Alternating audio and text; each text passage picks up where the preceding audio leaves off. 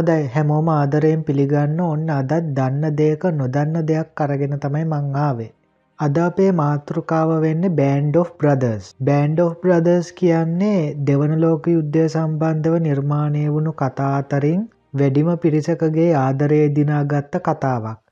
Steven Spielberg Tom හැන්ක්ස් වගේ දැවන්ත අධ්‍යක්ෂකවරු නිෂ්පාදකවරු කිහිප දෙනෙක් එකතු වෙලා අවුරුදු පහක් තිස්සේ වෙහෙසමාන්සයෙන් නිර්මාණය කරපු මේ කතාව පළවෙනි වතාවට විකාශය කරන්නේ දෙදස් එක අවුරුද්දෙදී.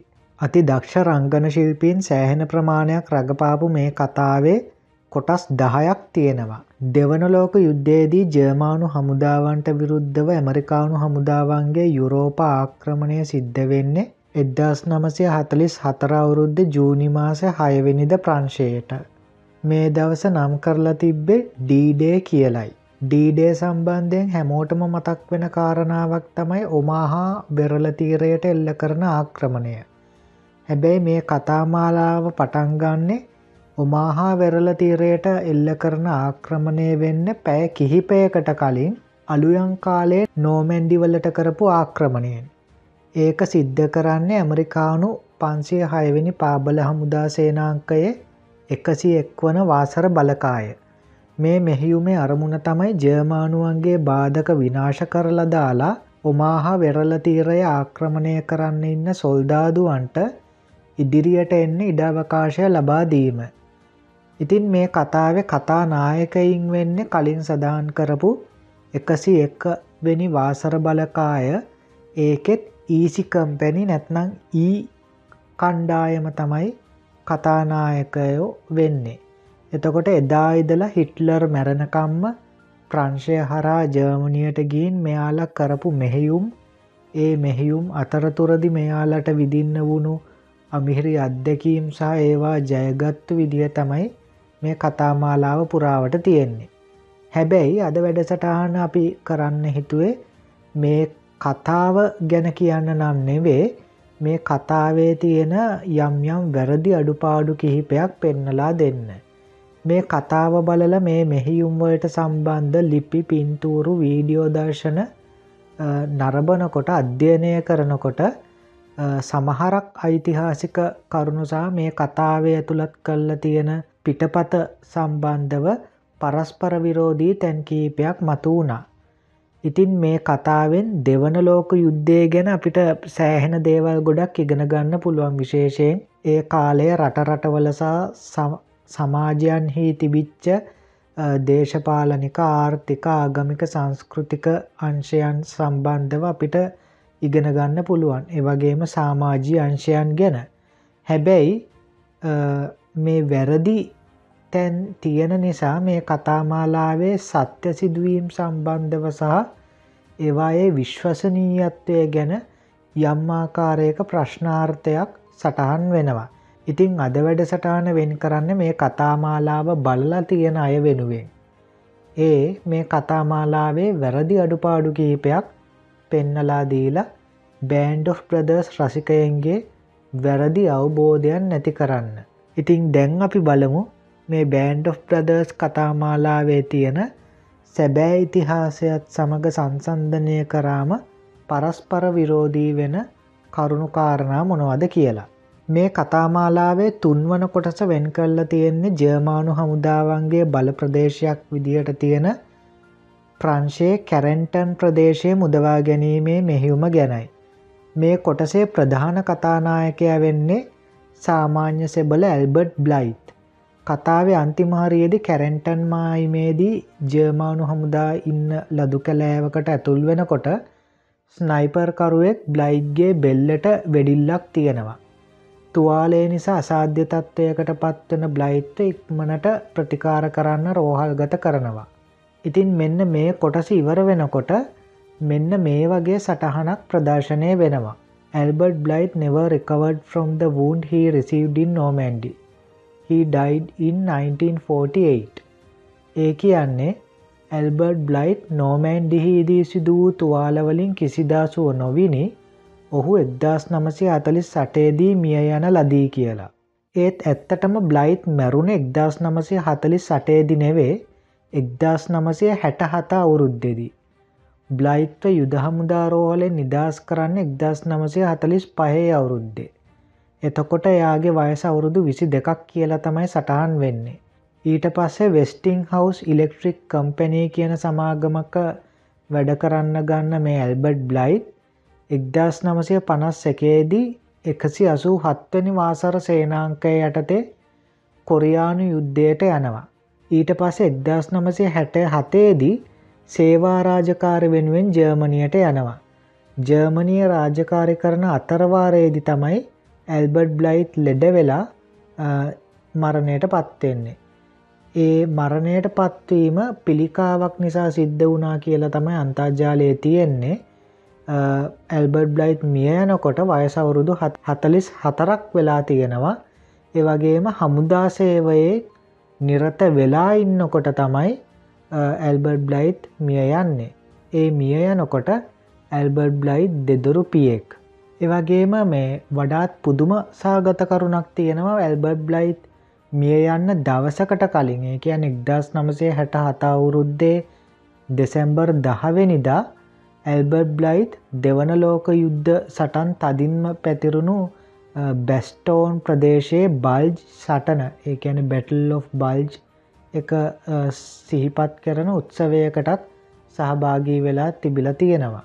අනිත් කාරණාව තමයි මේ කැරැන්ටන් වලදි වෙඩියුන්ඩේ බ්ලයිඩ්ගේ උරහිසට වැදුනත් බෑන්ඩ් of බ්‍රදර්ස් කතාමාලාව වෙඩියුන්ඩේ වැදෙන්නේ බ්ලයිඩ්ගේ බෙල්ලට.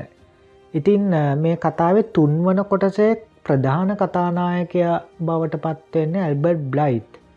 ඉතිං ඇල්බර්ඩ් බ්ලයිට් වෙනුවෙන් වෙන් වෙච්ච මේ තුන්වන කොටසේ වැඩිම දර්ශන ගණනාවක් වෙන් කරලා තියෙන්නෙත් ඇල්බර්ඩ් බ්ලයිට්ට ඉතිං එහෙම එකේ මේ වගේ කාරණාවක් සම්බන්ධව වැරදි තොරතුරක් ප්‍රදර්ශනය කරපු එක නම් ඇත්තටම සමාව දෙන්න බැරි වැරද්දක් විදිහට තමයි චිත්‍රපටලෝලීන් දකින්නේ. එවගේම කැරෙන්ටන් ගැන කියනකොට තවත් දෙයක් මතක් වෙනවා මේ කතාවේදී විශාල තැනිතලාබිමක ඉදගෙන ජර්මානු හමුදාසා ඇමරිකානු හමුදාතරේ සිද්ධ වෙන දෙවන්ත වෙඩිහුව මාරුවක් තියෙනවා ඩීසාහ කණ්ඩායම් පහුබහිනකොට ඊ කණ්ඩායම තමයි පහුබහින් නැතුව හිටපු එකම කණ්ඩායම. ඉතිං මේ සටනදි අපිට දකින්න පුළුවන් එක පාරටම යුද්ධ ටැන්කියක් මතු වෙනවා. ඉතිං අන්තර්ජාලයේ තියෙන විදියට මේක ජැක් පැන්ත වර්ගයට අයිති එකක්. හැබැයි ඇත්තටම කැරන්ටන් වලදි කරපු සටනැදි ඒ වර්ගේ යුද්ධ ටැන්කියක් ඇවිල්ල නැහැ. ඒ වර්ගේ යුද්ධ ටැන්කියක් පලවෙනි වතාවට දැකල තියෙන්නෙත් නෝමැන්ඩිවල කරපු අන්තිම සටන්වලදි කියල තමයි වාර්තා වෙන්නේ.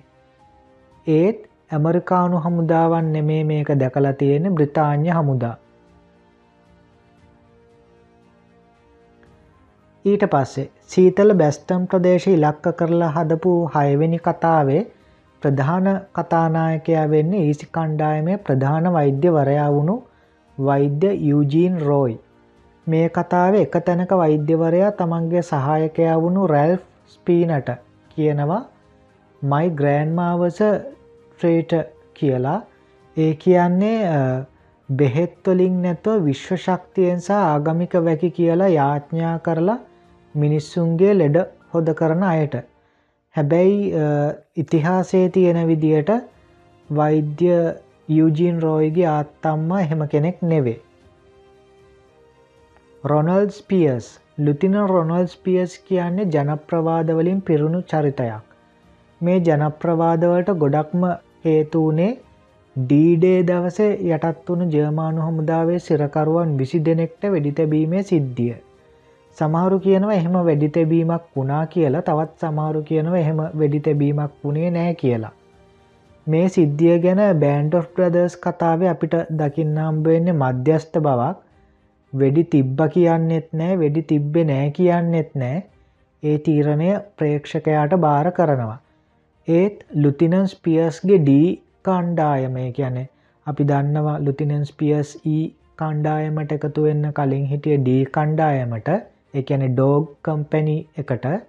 එතකොට ඩී කණ්ඩායම යටතේ සේවය කරපු ආට් ඩිමරීසෝ කියන මේ හමුදා නිලධාරීවරයෙක් ඉදල තියෙනවා මෙයා දෙදස් දොළහ වුරුද්දෙදි කරපු සම්මුඛ සාකච්ඡාවකදි ප්‍රකාශයක් කල්ල තිබ්බ එහෙම වෙඩි තැබීමක් ඇත්තටම වුණා කියලත් ඒ සිද්ධියය ඇස් දෙකෙන්ම දැක්ක කියලත්.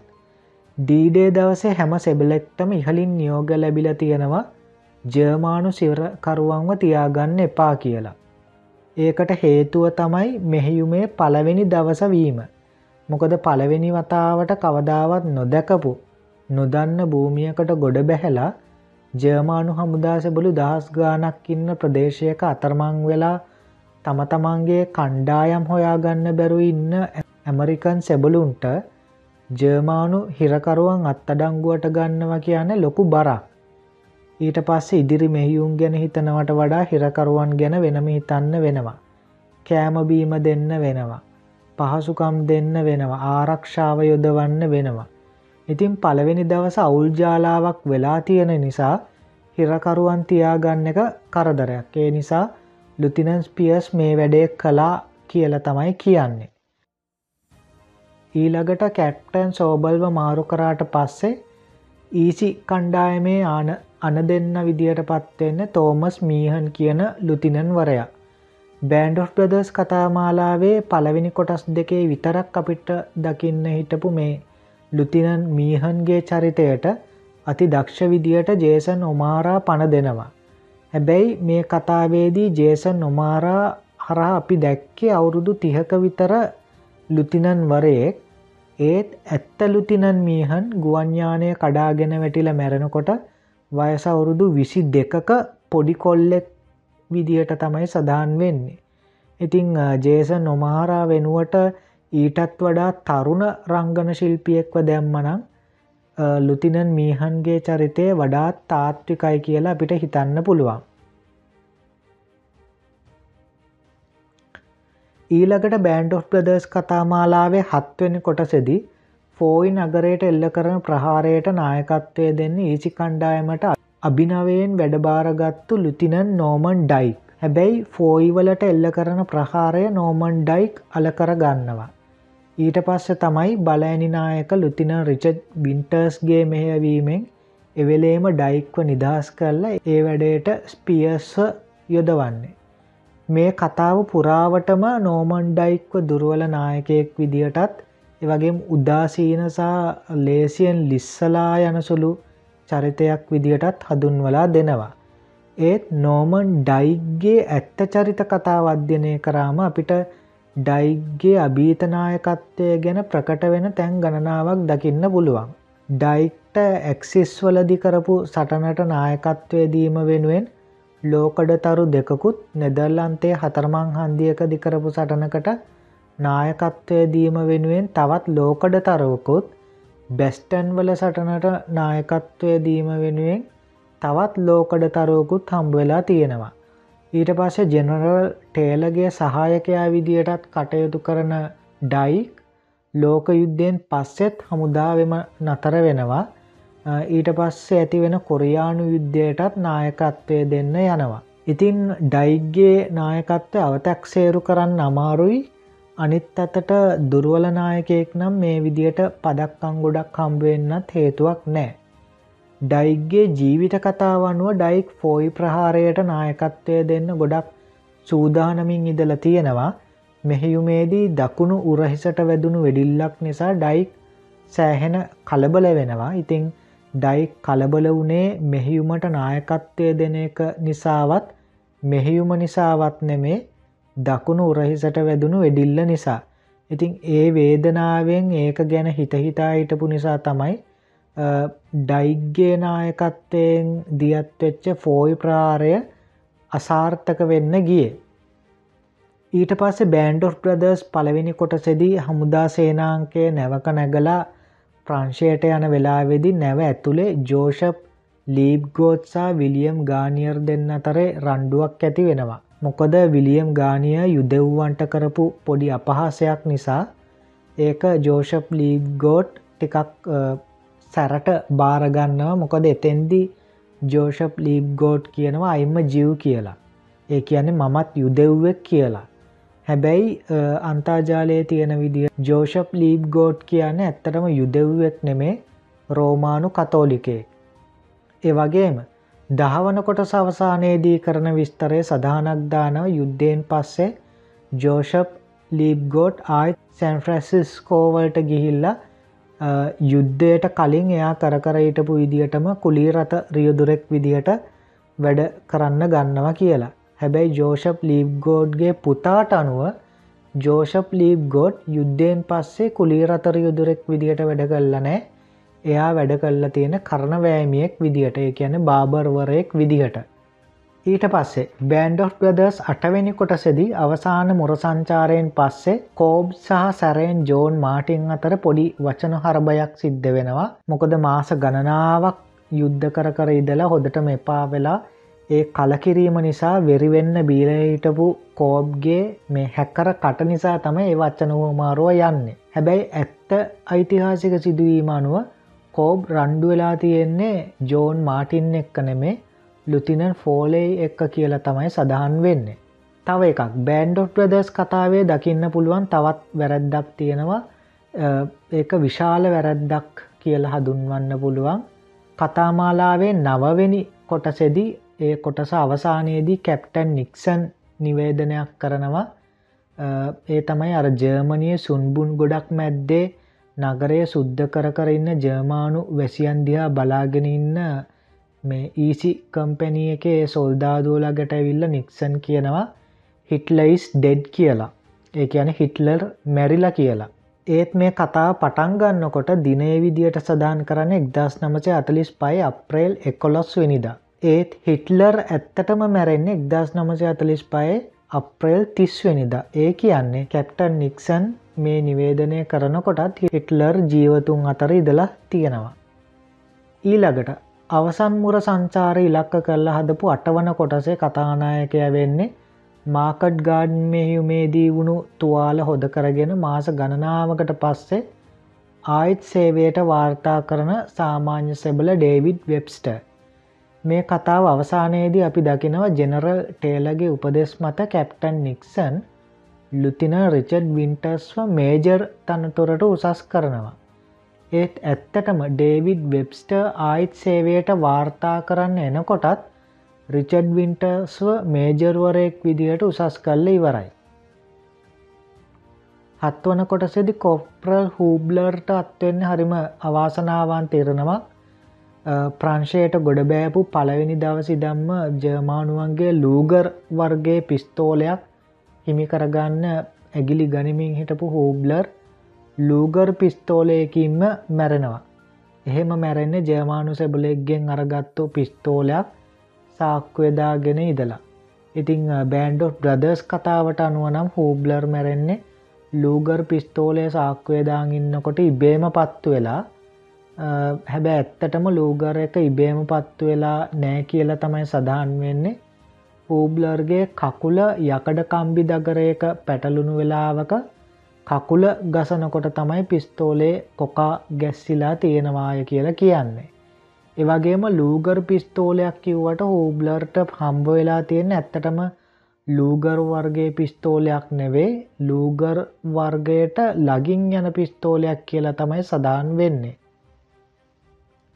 පිස්තෝල ගැන කතා වෙනකොට තවත් සිද්ධියක් තියෙනවා. මේ බෑන්ඩොට් ප්‍රදස් කතාමාලාවේ දහවෙනි කොටස නොහොත් අවසාන කොටසෙදි ඕගොල්ලොන්ට මතක ඇති ජර්මානු හමුදාවේ කර්නල් වරේ එයාගේ පිස්තෝලය පිළිගන්වනව මේජ රිචඩ් වින්ටස්ට ඒ ජර්මානු හමුදාව නිලවශ්‍යයෙන් යටත්වීමේ සංකේතයක් විදිහට.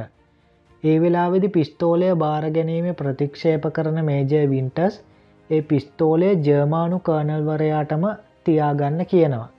මෙතන වැරදි දෙකක් තියෙනව. එකක් තමයි ඒ ජර්මානු කර්නල්වරයෙක් නෙවේ ඒ ජර්මානු මේජර්වරයෙක් අනිත්තක තමයි ඇත්තටම සිද්ධිය අනුව නම් මේජ ප්‍රිචඩ් වින්ටර්ස් පිස්තෝලය ප්‍රතික්ෂේප කරන්න. එයා පිස්තෝලය බාර ගන්නවා. ඒ පිස්තෝලය බාරාරගෙන එයා මැරෙනකම්ම ඒ පිස්තෝලේ ඒ වින්ටර්ස් ලඟ තිබ්බ කියල තමයි අන්තාජාලය සඳහන් වෙන්නේ වගේම වින්ටර්ස් ජීවත් වෙලා ඉන්නකොට කරපු සම්මුඛ සාකච්ඡාවකදීත් වින්ටර්ස්ම කියනවා. එයා පිස්තෝලය ඒ ජර්මානු හමුදා නිලධාරීවරයාගෙන් බාර ගත්තාය කියලා. ඉතිං ඔන්න ඔහොම තමයි අද වැඩසටාන තියෙන්නේ. ඉතිං තවත් ගොඩක් වැරදි තියෙන්න්න පුළුවන්. මට අහු වෙලා නැති ඕගොල්ලොන්ට අවවෙච්ච වැරදි තියෙනවන එව්වා අපිටත් දැනගන්න කමෙන්ට් කරන්න. ඉතිං චිත්‍රපටවලින් ඉතිහාසය ගැන අපිට ගොඩාක් දේවල් අපිට ඉගෙන ගන්න පුළුවන්. හැබැයි එහෙමයි කියලා චිත්‍රපටවලින් පෙන්න්නන හැම දෙයක්ම ඇත්ත කියලා පිළිගන්න එක නුවනට හුරු නැහැ. මොකද දැම් බෑන්ඩොඩ් බ්‍රදර්ස් කියන්න බොහොම උසස් ගනේ කතාමාලාවක්. නමුත් මේ වගේ උසස් ගනය කතාමාලව මාලාවකත් මේ වගේ ඉහළ මට්ට මේ වැරදි ගොඩක් තියෙනවනං අනිත් කතාමාලාවන් අනිත් චිත්‍රපට ගැන කවර කතාද. ඉතින් බෑන්ඩ් of බ්‍රදර්ස් බලපු ඕගොල්ලො මේ කරුණු හරා ඒ වැරදි අවබෝධයෙන් මිදෙන් ඇති කියලා හිතනවා හැබැයි කොච්චර වැරදි තිබ්බත් ඒ කතාමාලාවට අපි අතරේ තියෙන ආදරේසා ගෞරවය නම් කිසිම අඩුවක් නෑ. ඉතිං ඔන්න ඕක තමයි අද දවස අපේ වැඩසටාන තවත් මේ වගේම වැඩසටානකින් ඉදිරියේදී හමුවමු.